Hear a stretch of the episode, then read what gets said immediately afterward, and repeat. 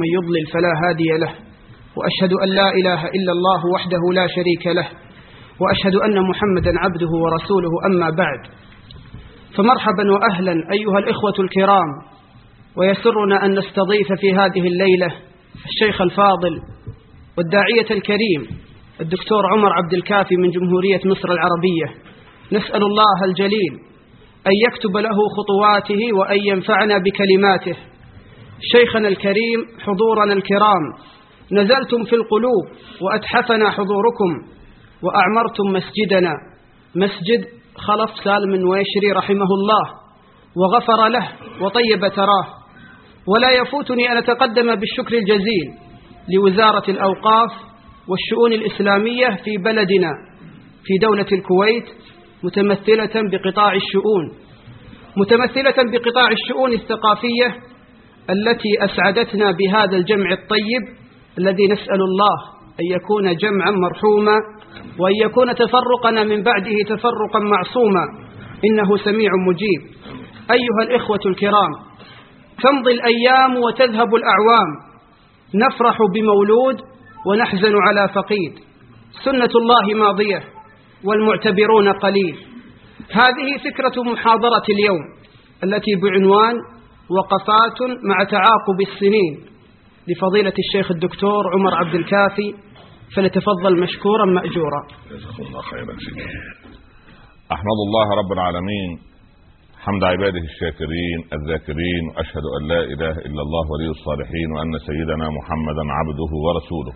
اللهم صل وسلم وبارك عليك يا سيدي يا رسول الله.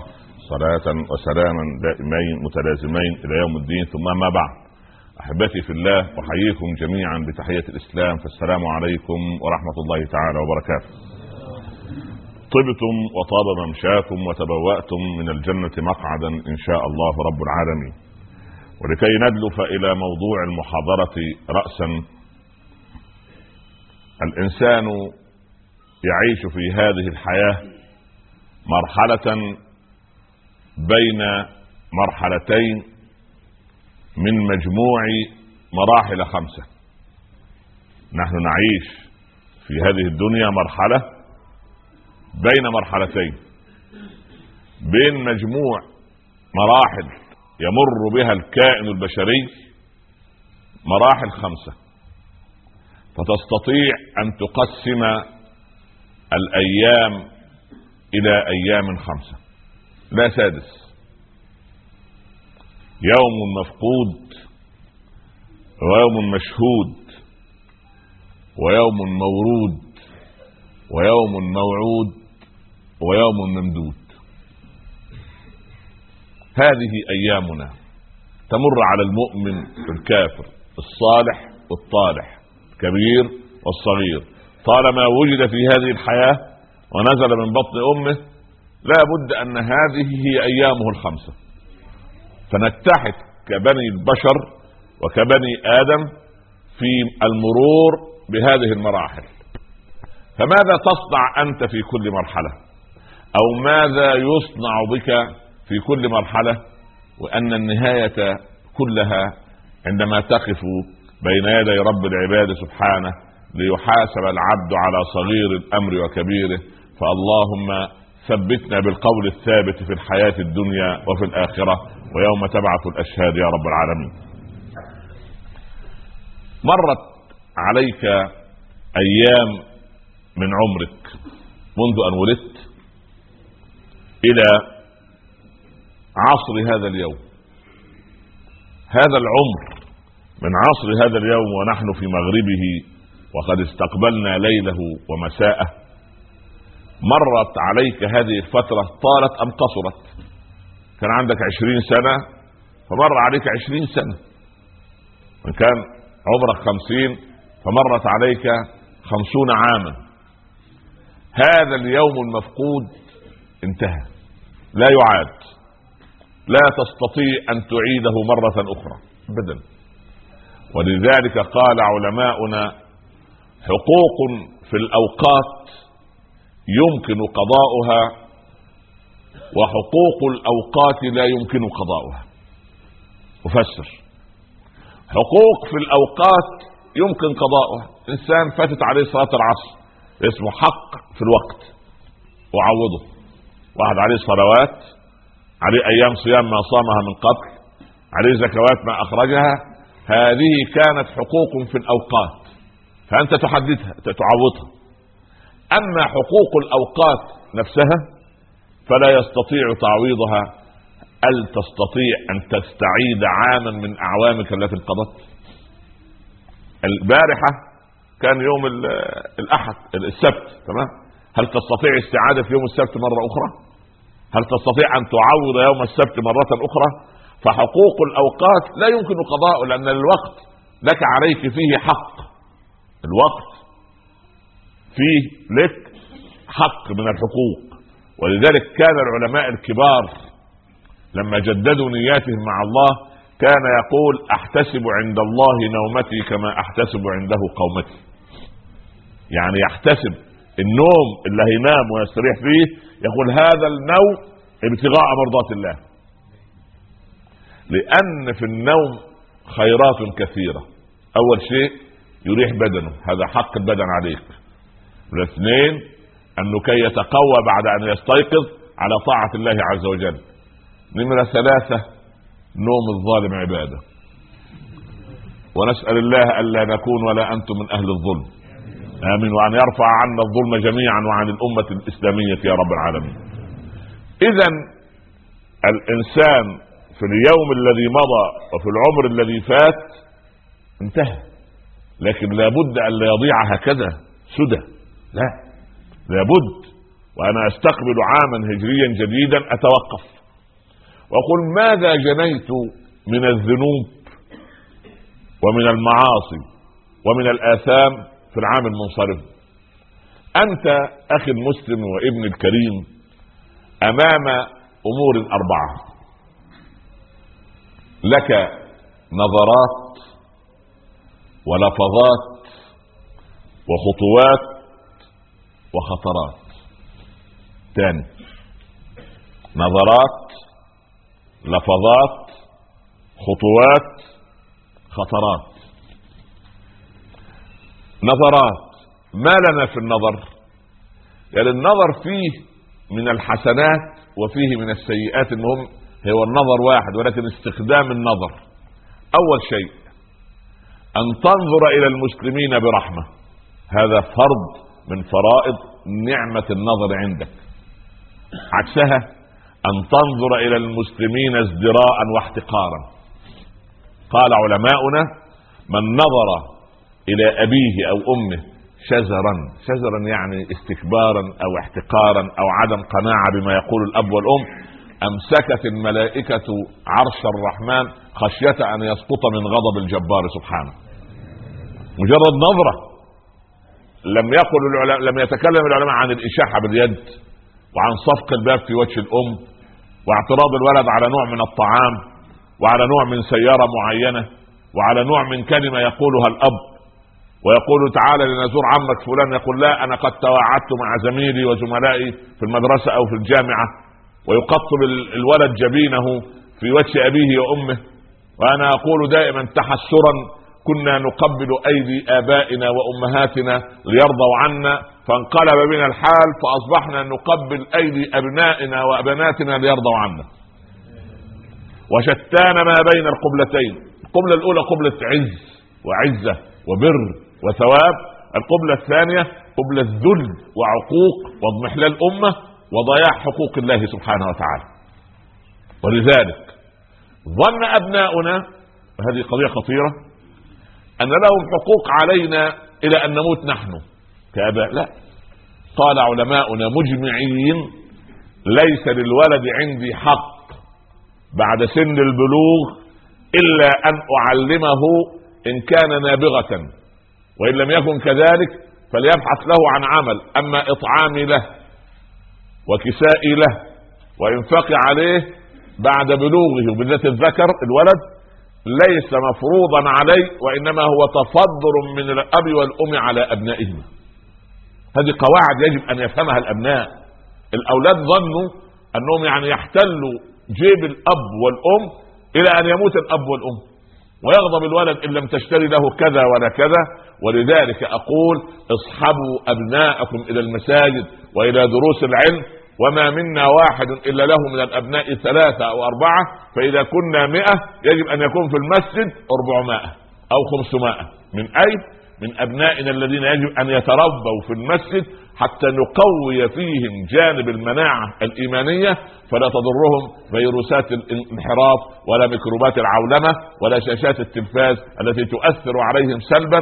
فوجب علينا أن نأتي لنعطي حصانة إيمانية لأبنائنا داخل المسجد وبين أيدي العلماء حتى يضع الله البركة في أبنائنا وبناتنا. اللهم اطرد عنهم شياطين الإنس والجن يا رب العالمين.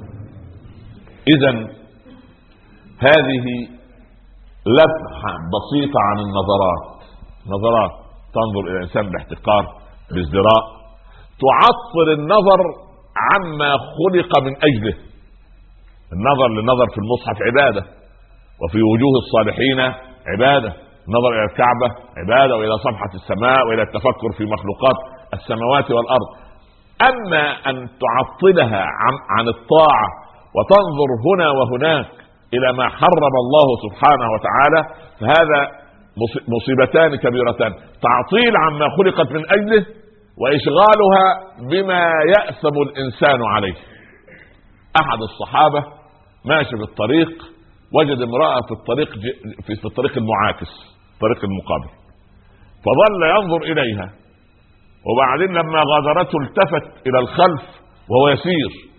إلى المرأة حتى دخل في جدار حائط. فشجت رأسه سال الدم. قال والله لن أمسح الدم حتى آتي يا رسول الله. صلى الله عليه وسلم. فورا أول ما راه الرسول صلى الله عليه وسلم وقصر قال اجلس. ينزل قول الله عز وجل قل للمؤمنين يغضوا من أبصارهم ويحفظوا فروجهم ذلك.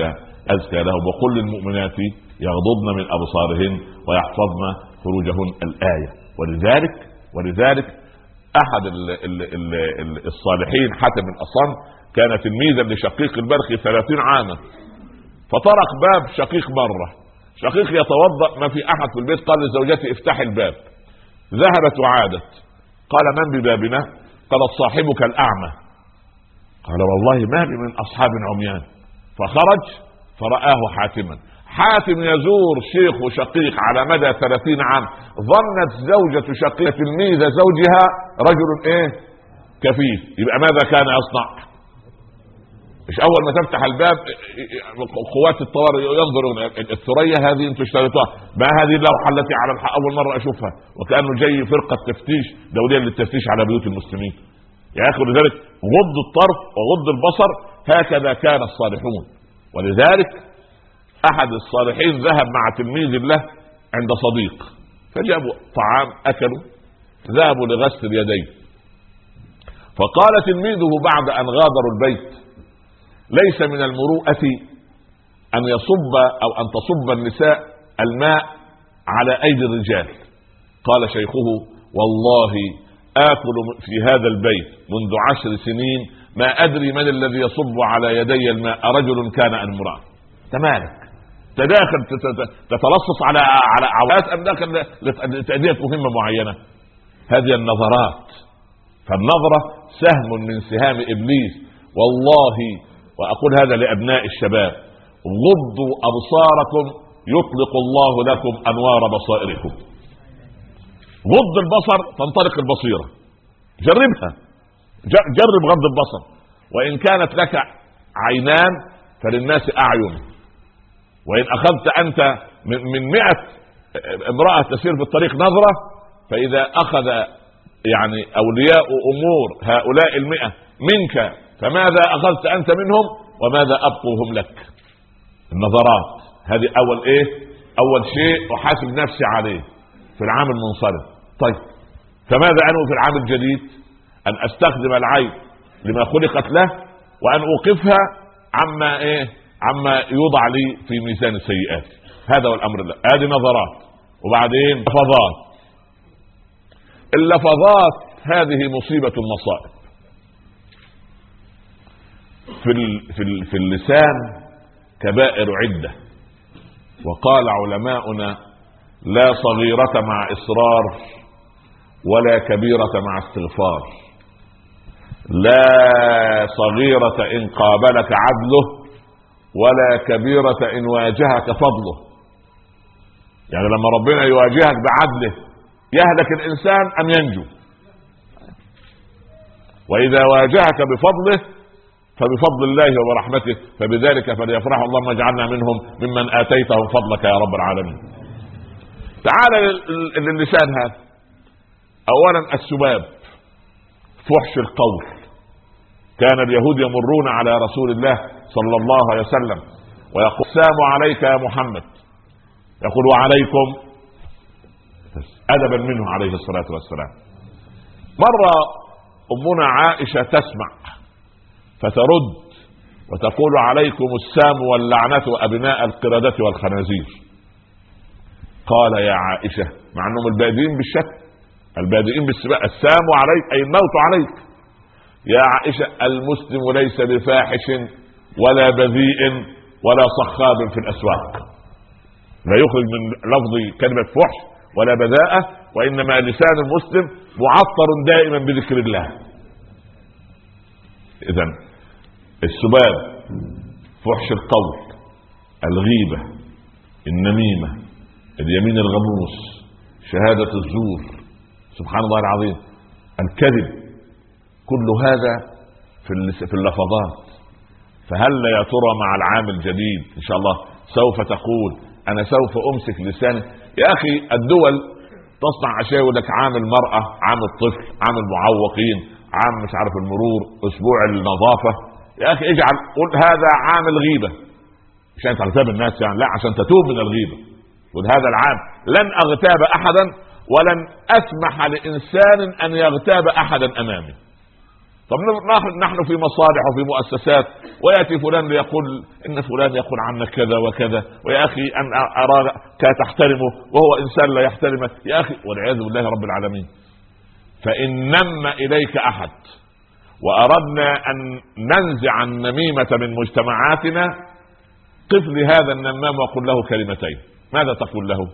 قل يا أخي الكريم يعني أخوك هذا الذي نم عليه يعني في لحظة ضيق قال كلمات. فما كان من الواجب أن تبلغني إياها. هذا المقام الأول. المقام الثاني سبحان الله هو قد استأمنك أمانة. لأن المجالس بالإيه؟ بالأمانة. المجالس بالأمانات. ما جلست مجلس. ما أقوم من المجلس وأحكي ما الذي حدث فيه عندئذ هو استأمنك أمانة. وأنت خائن للأمانة. الأمر الثالث كان بين أخي وبيني صفاء جئت أنت فعكرته حتى قال حبيبنا صلى الله عليه وسلم لا يحدثني أحد منكم عن أصحابي شيئا فإني أريد أن أخرج إليكم وأنا سليم الصدر. أخرج إلى ما تكلمني عن حد. يا أخي تظل يا أخي خليك يعني محضر خير كما يقولون في العامية خليك واسطة خير بين الناس ثم قل له وأنت اليوم تنم لي وغدا بإذن الله سوف تنم عليك بالله عليك. لو واجهنا كل نمام في مجتمعاتنا هل ترى نميمة في المجتمع؟ وما الذي يفسد المجتمعات؟ ما الذي يفسد البيوت؟ إلا مثل هذه الآفات التي تخترق المجتمعات فتصيب الأسر وتصيب الناس والكراهية والحوادث.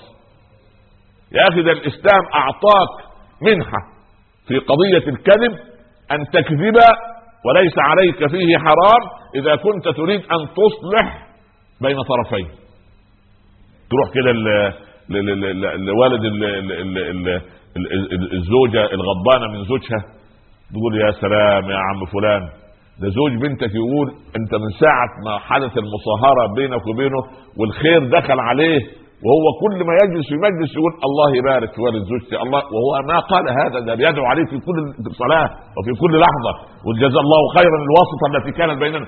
لكن أنت أباح لك الإسلام أن تكذب عشان تصلح بين الاطراف انظر إلى عظمة الإسلام وتروح للطرف الآخر ها زوج البنت ولا زوج الحرمة تقول يا راجل حماه الله. يقول من ساعة زوج بنتي وضع يده في يدي وما شاء الله عليه. والله البركة حلت في البيت عندنا. ملاك يا أخي من الملائكة. والراجل لسه بالأمس يقول هذا شيطان مريض. سبحان الله. لكن أنت شو عظمة الإسلام. يبيح لك الكذب حتى يتواصل الناس بالخير. لكن بلال بن رباح كان له موقف آخر. ذهب أخوه الأنصاري أبو ريح الخثعمي ليخطب امرأة من اليمن. قال نحن لا نعرف من أنت؟ أنا أبو ريح الخثعمي قال أنا اعرفك ارجع إلى المدينة التي جئت منها. رجع الرجل. قال آخذ من يزكيني من يزكيني؟ أخذ أخاه بلال مؤذن رسول الله صلى الله عليه وسلم. قال تعالى زكيني عند من أريد أن اصاهرهم دخل بلال على القوم. السلام عليكم ورحمة الله. أنا بلال. لا أنا لسه ما خلصت المحاضرة. ده بلال اللي قال. السلام عليكم ورحمة الله. يعني بلال سلم. السلام عليكم. أنا انقل لك القصة يعني. فيقول أنا بلال بن رباح مؤذن رسول الله صلى الله عليه وسلم. وهذا أخي في الإسلام أبو رويحة الخثعمي رجل سوء في الخلق. إن شئتم فزوجوه وإن شئتم فارفضوه. يا أخي ده, ده, ده, ده, ده الواسطة دايما يعني يقول كلاما ويغطي امورا. قال وقد زوجناه من أجل وضوحك يا مؤذن رسول الله. بعد ما خرجوا فيقول أبو رويح ما هذا يا بلال معقول أجيبك من المدينة تروح صنعاء في اليمن. جاي تقول عليه هذا الكلام. قال أسكت الصدق زوجك. لو كذبنا عليهم ولفنا ودور أنت جيت وحدك نفع. أنا كنت صدق وذلك قال الرجل وهو يجري من قوم يريدون إمساكه فوجد رجل يفتل حبالا. حط كومة ريف ويفتل حبال. خبئني خبئني. قال ماذا؟ قال له قوم يطلبونني ادخل تحت كومة الليف تلك. دخل تحت كومة الليف وكتم أنفاسه. مر القوم الذين هم إيه؟ طالبوه. اما مر بك رجل من هنا منذ هنيهة؟ قال نعم مر. وأين هو؟ قال تحت كومة الليف تلك. فنظر القوم بعضهم إلى بعض قالوا عجبا هذا رجل مجنون اللي يدخل تحت كومة الليف يصاب بالإسفكسيا ويموت ويختنق. فتركوه وإيه؟ وساروا خرج الرجل من تحت كومة الليف أمسك بتلابيب الإيه؟ هذا الفتال الحبال هذا والفتان هذا سبحان الله الذي يريد أن يفتن عن مكانه. يا رجل أقول لك اسكت الصدق نجاك. لو قلت لهم لا ما رأيت أي فتشوا المنطقة ويتخرجوك سبحان الله. اذا الصدق لا يأتي ولسان الإنسان ولفظاته يجب والله يا مؤمنين أنا أرى بوجهه نظر الضعيفة أننا أتعبنا ملائكة السيئات. إذا كانوا يتعبوا يعني. آه. إذا كان ملك السيئات يتعب فقد استراح ملك الحسنات. لا إحنا عايزين نريد أن نت... إذا كانوا يتعبون يعني نريد أن نتعب ملك الحسنات ونريح ملك السيئات. سبحان الله. فمن كرم الله علينا أن الذنوب ليست لها رائحة والا ما جلس مسلم بجوار مسلم. والله نحمد الله رب العالمين. هذا من ستر الله أم ليس من ستر الله؟ يستوجب الشكر ولا لا يستوجب؟ هذه النظرات هذه اللفظات الخطوات أين تذهب بقدميك؟ لتعمير بيت الله؟ لصاحب المتخاصمين؟ للعمل الذي تقتات منه؟ يعني لتهنئه اللي عنده فرحه أو شيء مناسبة طيبة لتعزيه من عنده حالة وفاة هكذا تستخدم أقدامك في طريق الله سبحانه. عروة بن مسعود الله يرضى عليه لما اقر الأطباء بقطع قدمه أو ساقه فلما قطعت واغشي عليه وأفاق بكى قالوا أتبكي من قدر الله يا عروة؟ قال لا. يعلم الله رب العباد عز وجل أنها ما سارت لمعصية قط إنما لتعمير بيت الله وللقيام بالليل للصلاة لله والذهاب مع الجيش في سبيل الله. يا رب إن كنت قد أخذت القليل فقد أبقيت الكثير. يا بر يا وصول. هكذا الإنسان الصابر الذي يبحث عن مكامن الخير في حياته. هذه اللفظات هذه النظرات الخطوات وبعدين لا تسأل العلماء كثيرا. عندما تستدعى إلى مكان وتقول يا سيدنا الشيخ أذهب لا أو لا أذهب. العرس بتاع ابن أخويا فيه اختلاط ولا في كذا ولا في كذا ولا في أشياء منافية. أذهب. اسأل نفسك سؤالا قبل أن تسأل الشيء لو وجهت الدعوة إلى رسول الله صلى الله عليه وسلم يذهب أم لا يذهب؟ خلاص الموضوع واضح. والحلال بين والحرام بين. ومدلول اللغة العربية عجيب. دائما الحلال يكون واضحا في النور والحرام دائما وراء الكواليس في الظلام انطق كلمة الحلال والحرام. أنا أريد أن تنطقها أنت الآن. حلال. فمي مفتوح أم مغلق؟ حلال. طب أنت تقول حرام. ها؟ قول كده. حرام. صح. المرتشي يعمل إيه؟ يفتح لك الدرج بهدوء لأنه حرام. لابد في الظلام. لكن لو أنت لك حق عند واحد تعمل فيه إيه؟ تروح المحكمة وتروح عند الكبير العائلة و... ابن أخوك حرامي لص يأخذ الأموال وما يرجعها وترفع صوتك. إن لصاحب الحق مقالا. سبحان الله. ولكن في القضاء الواحد يراعي. رجل دخل على شريح القاضي قال فقع لي عيني يا قاضي الحق يا شريح. فالرجل قاعد جنب شريح ما عندوش خبرة في القضاء. قال يا شريح الرجل مظلوم. عينه مفقوعة. خذ له حقه. قال له اسكت. ربما فقع العينين للآخر. اسكت انت. انت مالك انت؟ انت متسرع في الحكم ليه؟ طب لما نشوف الطرف الثاني فقع عينه ليه؟ الله. يمكن الثاني خلع ولا إيه؟ ألا تذكر هذا الحاسد؟ والعياذ ربنا يبعد عنا وعنكم الحسد. سبحان الله. اثنين حاسدين في مملكة في التاريخ يقصون عنها في السير. فجاء بهم الملك وقال ليتمنى واحد منكم أمنية وسوف أعطي الثاني ضعف طلب الأول. يعني واحد طلب ألف أعطي الثاني اثنين واحد طلب ناقة أعطي ناقتين واحد طلب قطيع أعطي الثاني بيت أعطي بيتين فطبعا هم الاثنين حاسبين فأنا لو بدأت يبقى من الذي يأخذ أكثر؟ فثاني يقول له قل. ثاني يقول له قل. ما مش عايز مش عايز يبقى فالملك قال لا, لا نزاع عندي.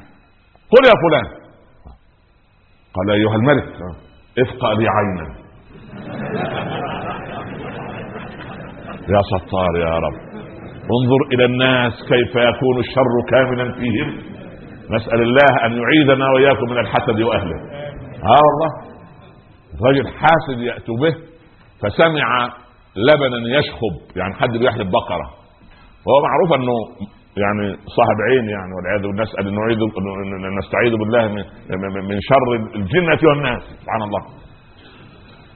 فدخل على القطيع قال أي بقرة كانت تحلب؟ فين يا صاحب الناس خافوا. فأشاروا إليه إلى البقرة المجاورة. بقره وتركوا الإيه؟ البقرة الحلوب. فسقطت البقرتان. يا ستار الطف يا لطيف.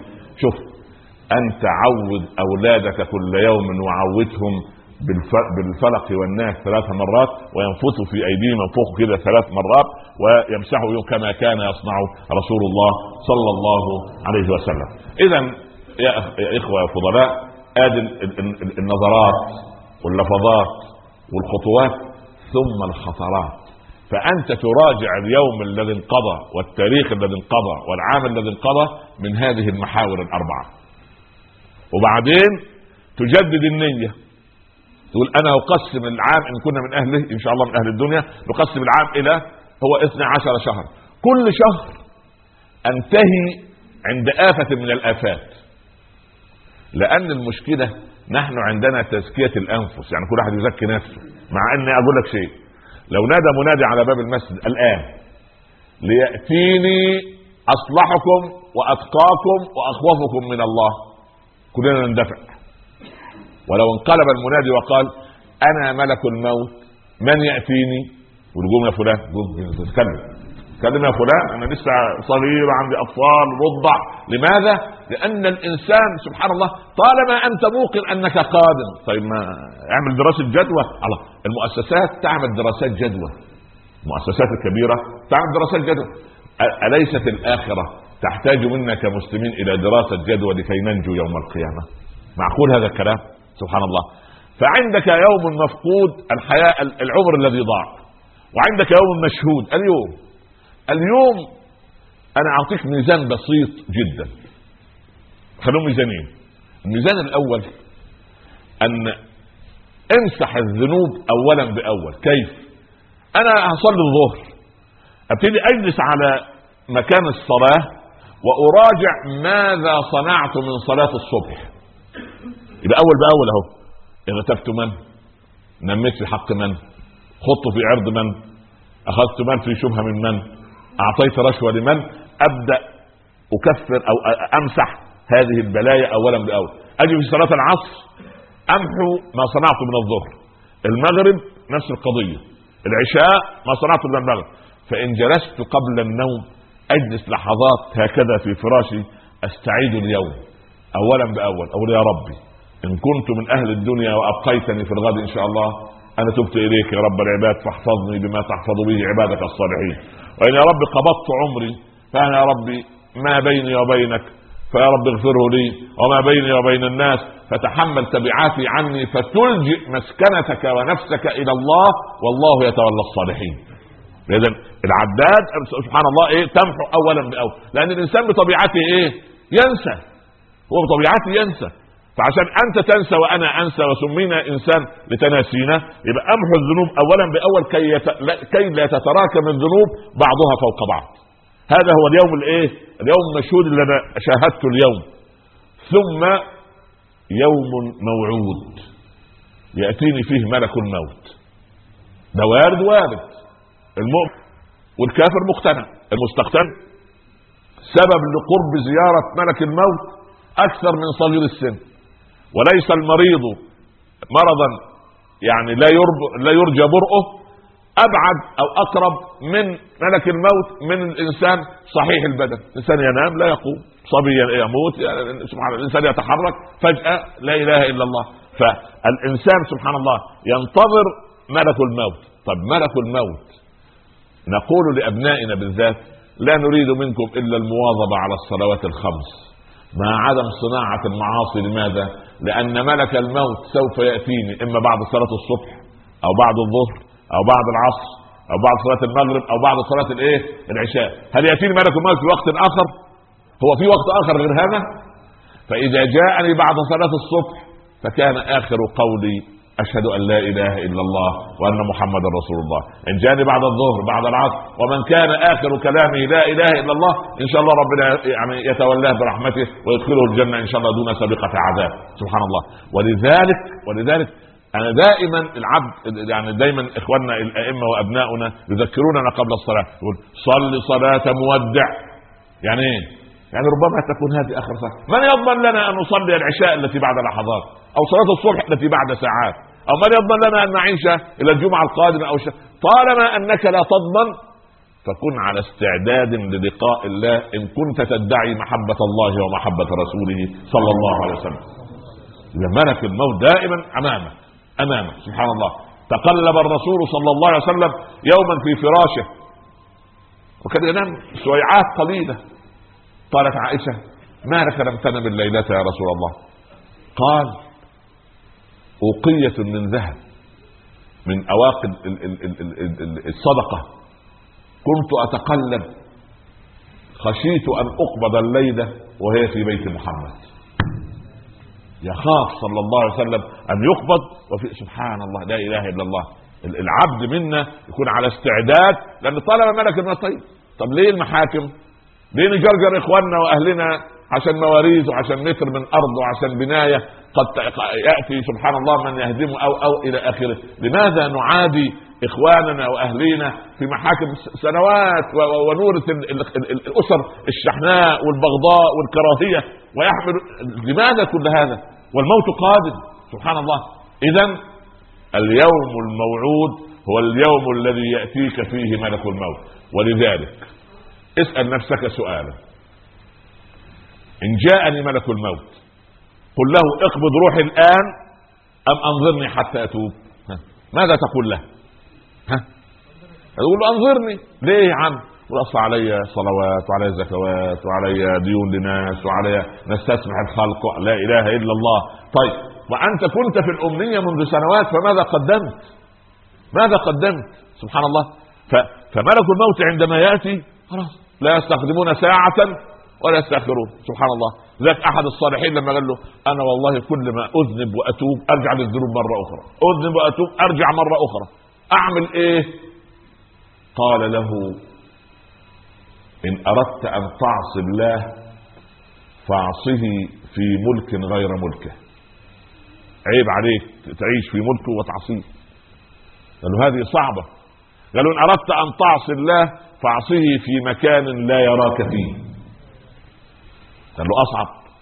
قالوا إن أردت أن تعصي الله فلا تأكل من رزق الله. قالوا فمما آكل؟ من أين؟ قال إن أردت أن تعصي الله وجاءك ملك الموت فقل له أخرني حتى أتوب. قال هذه ليست لي. قال إن أردت أن تعصي الله وحشرت بين يديه يوم القيامة وسألك عبدي لما عصيتني؟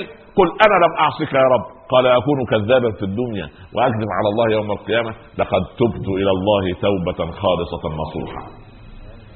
بس فيه ناس تدعي أن معها مفاتيح الجنة والنار. مفاتيح الجنة والنار ليست مع أحد إلا مع خالقنا سبحانه وتعالى. يقول لك أخويا ده سيدنا الشيخ لن يرد على جنة ابدا. لا حول ولا قوة إلا قالها أحدهم لي. قلت له بالله عليك طالما أنت عارف أن أخوك مش هيرد على جنة. انظر اسمي في أي كشف مكتوب عندك. آه طبعا ما أنت عارف أنت موقن أن أخوك لن يدخل لأن معك أسماء. انظر إلى التألي على الله عز وجل. هذا من سوء الأدب مع الله سبحانه. يا أخي سبحان الله العظيم يعني أبو نواس كان رجل صعلوك وشعر الخمر معروف وهو راحوا للإمام رجل صالح من الصالحين. قالوا تعالى أبو نواس مات حسن بن هانئ تعالى صلي عليه. قال والله الرجل يعني في نفسه شيء قال يعني أصلي على الرجل وأنا ليصلي أحدكم. فراحوا يغسلوه فوجدوا في جيبه رقعة. اخذ رقعة وراحوا للشيخ. إحنا نغسله وجدنا الرقعة دي. سألوا زوجته الرقعة دي متى كتبها؟ كتبها وخرجت روحه. ماذا كتب فيها؟ قال يا ربي إن عظمت ذنوبي كثرة فلقد علمت بأن عفوك أعظم. إن كان لا يرجوك إلا محسن فبمن يلوذ ويستجير المجرم؟ ما لي إليك وسيلة إلا الرجا وجميل عفوك ثم إني مسلم؟ فقال الرجل الصالح هيا لنصلي على أبي نواس رحمه الله. لأن سبحان الله العبد لما ربنا يشاء له بحسن الختام يبعث له في آخر ايامه ملك يهديه ويرشده ويقومه فيموت على خير حال فيقول ناس رحم الله فلانا لقد مات على خير حال. يبقى يوم مفقود يوم مشهود يوم موعود يوم مورود. يوم مورود هذا سبحان الله يوم الموعود غدا المورود أن يأتيني إيه؟ ملك الاهل يحملونني على إيه؟ على أعناقهم. إن كنت صالحا الله يريني عملي. قال عمر رضي الله عنه إن أردتم أن تدفنون فاسرعوا بجنازتي. ليه يا أمير المؤمنين؟ قال إن كان خيرا قدمتموني اليه وإن كان غير ذلك فشر تطرحونه من فوق أعناقكم. وقال علماؤنا لما العبد يسير ويرى عمله الصالح يقول أسرعوا بجنازتي لما تبطئون بها؟ يريد أن يلقى ربه سبحان الله تعالى. وإن كان غير ذلك على ما تسرعون بجنازتي. والله لو تعلمون ما ينتظرون من الشر لأبطأتم بها. يا ويلي يا ويلي. اذا العبد سوف يترك وحيدا فريدا في قعر قبره والمصيبة أنه يسمع قرع نعالهم. يعني الأهل تركونا هو سامع اقدامنا ونحن نتركه ونحن نسمع أقدامهم يتركونه وهذه أصعب لحظة على الإنسان منذ أن ولد. سبحان الله. وبعد ذلك خلاص ما بقي إلا العمل الصالح. اللهم أحسن أعمالنا وأحسن خاتمتنا يا رب العالمين. هذا هو اليوم لا بد أن يرده كل إنسان. عالم البرزخ. رب ارجعوني. لعلي أعمل صالحا فيما تركت. كلا إنها كلمة هو قائلها ومن ورائهم برزخ إلى يوم يبعثون. ثم يأتي اليوم الأخير من الخمسة وهو اليوم الممدود حيث يا أهل الجنة خلود بلا موت يا أهل النار خلود بلا موت. هاؤم اقرأوا كتابيه من بداية الحشر. ثم ينادى يعني عليه بعد ذلك أنها طوبى هذا المكان وطوبى قد أفلح المؤمنون والآخر والعياذ بالله لا في لا نقد ولا إبرام ولا محامي ولا استئناف ولا إرجاع مسألة ولا ولا ولا سبحان الله. عندئذ قد أفلح المؤمنون. اللهم اجعلنا منهم يا رب العالمين. أحبتي في الله هذه لمحة سريعة وخاطفة بقضية تعاقب السنين. سنة تلو سنة وسنة تلو سنة. قد نشعر بالكمد والحزن. عندما نرى العالم وقد انتقض علينا كما تداعى الأكلة إلى قصعتها كما أخبرنا الصادق المعصوم صلى الله عليه وسلم. لكن الأمل يزال باقيا.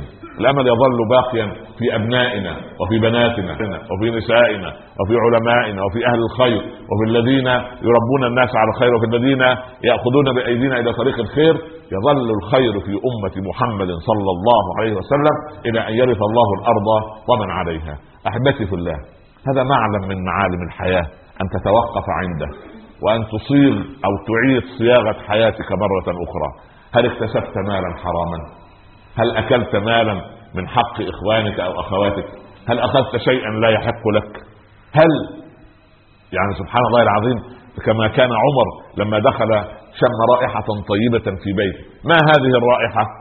قالت أم كلثوم إن نعيمة جاءت اشترت من عطور بيت المال شيئا فسبحان الله فبقيت أشياء أزن لها وأكسر فتعلق شيء بأصابعه فمسحته هكذا في خماري.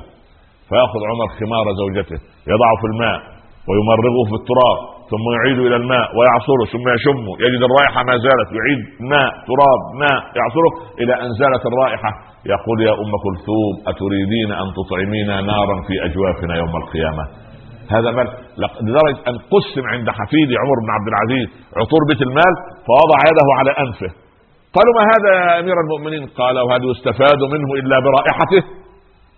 ليست هذه الرائحه ملك لنا. ملك لنا فيه ناس يدخلوا محلات العطور. يا أستاذ أنت ناوي تشتري؟ لا بس ما شاء الله يعني كده ناخد شوية. لا حول ولا قوة إلا بالله. الله. يا أخي اتق الله.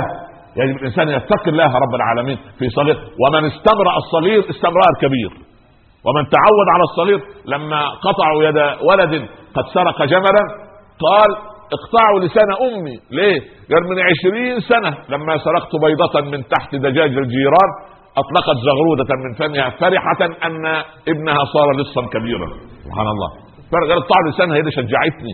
بهذه بهذه الفرحة اللي ظهرت من الأم شجعت هذا الولد على أن يسرق وهو كبير.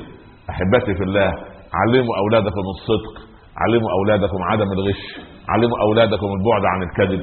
كن أنت أمامه قدوة حسنة لا تستصغر أمر أمه أمامه فعندئذ يستقل بها ويستقل بأوامرها.